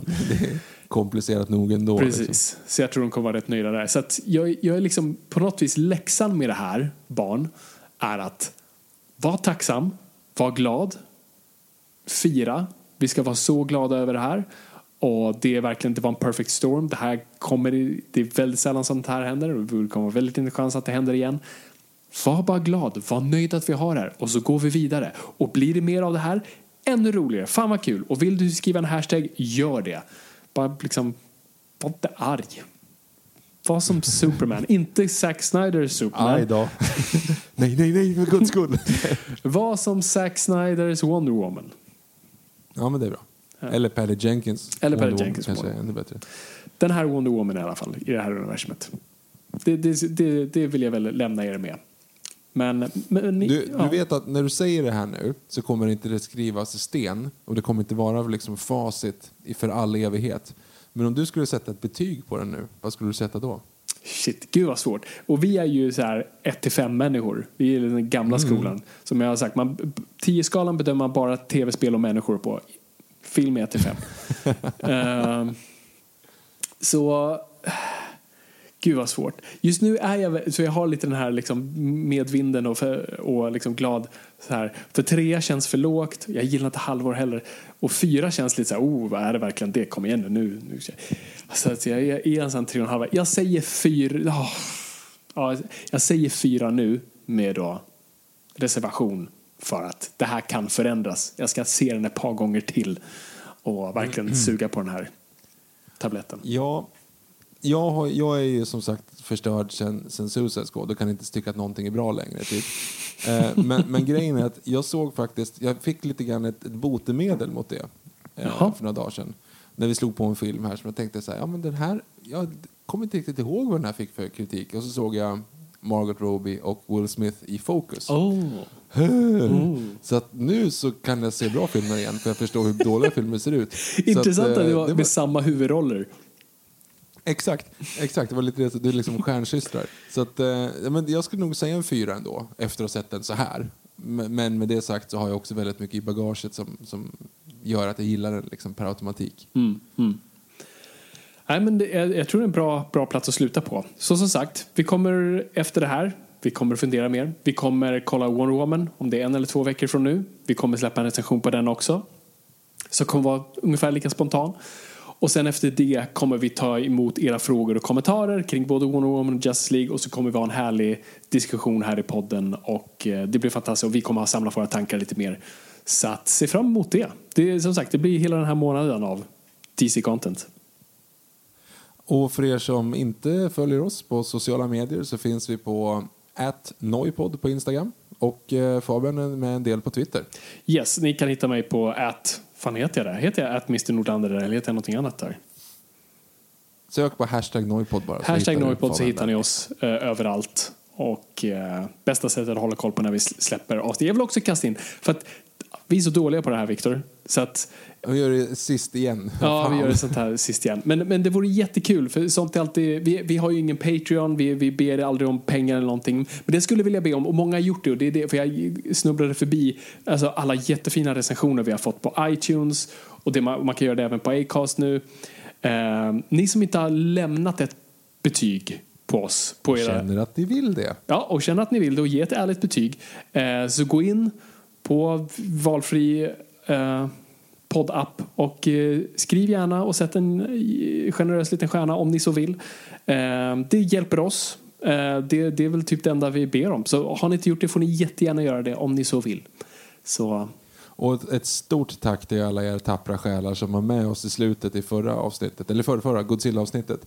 Ja. Där eh, vi uppmanade folk att skriva reboota skiten på vår Instagram. Och vi fick, alltså det är ändå typ så här 30 pers som gjorde det. Så att vi hade ändå 30 pers som satt med oss i typ tre timmar och lyssnade på oss prata kaijus. Japp. Det är säkert ingen kvar nu istället, men, men, eh, men tack till er i alla fall. Eh, en, väldigt kul att se. Mm. Ska, ska, ska, vi, ska vi lämna en liten term här också för de som är kvar? Reboota skiten. Ja, precis. Kanske inte igen. Eh, Nej, ja, ja, det, det var en... eh, Jag, jag, jag tycker att det var... Så här, vi behöver inte ge det som ett sånt kodord. Jag tycker ni bara kan skriva helt enkelt vad ni tyckte om filmen. det är väl kanske rätt smart. Under men den vi, posten. Eller, ja, precis. Eller vill vi spara det? Det, det, det här är varför vi inte förtjänar en podcast. För vi har diskussionen, resonerar resonerar. ja. Vi vill ju ha dem sparade faktiskt till vi släpper det avsnittet. Då vi specifikt ber om dem. Men då är det väl frågor, är det inte så? Jo, frågor och åsikter. Ja, Okej då. Okej. Skriv vad ni tycker och ha, okej. Skriv vad ni tycker om Justice League i kommentarsfältet för det vill vi genuint höra och se vart vi är någonstans. Och kommer ni på typ en fråga som ni verkligen så här, jag vill verkligen få den här ställd. Passa på att kasta in den också. Vi kommer kolla igenom det. Så att, eh, men vi kommer också, när det väl är dags för frågestunden så kommer vi kasta ut det också. Men känner ni verkligen att ni vill få ut det nu och kommer glömma bort det annars, kör på. Tack för att ni finns. Ja, vi, vi, vi, vi tycker om er väldigt mycket. Så tack. Okej, nu är vi klara Viktor. Ska vi bomma igen där? Det gör vi. Tack så jättemycket för att ni har lyssnat. Det är kul att vara lyssnad, men kom ihåg gott folk, ingenting är för nördigt.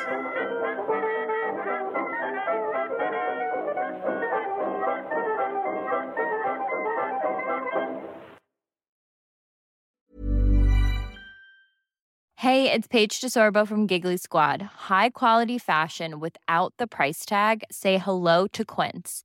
I'm snagging high-end essentials like cozy cashmere sweaters, sleek leather jackets, fine jewelry, and so much more. With Quince being 50 to 80% less than similar brands. And they partner with factories that prioritize safe, ethical, and responsible manufacturing. I love that. Luxury quality within reach. Go to quince.com slash style to get free shipping and 365 day returns on your next order. Quince.com slash style. Imagine the softest sheets you've ever felt. Now imagine them getting even softer over time. That's what you'll feel with Bowl and Branch's organic cotton sheets. In a recent customer survey, 96% replied that Bowl and Branch sheets get softer with every wash. Start getting your best night's sleep in these sheets that get softer and softer for years to come. Try their sheets with a 30-night guarantee. Plus, get 15% off your first order at bowlandbranch.com. Code BUTTERY. Exclusions apply. See site for details.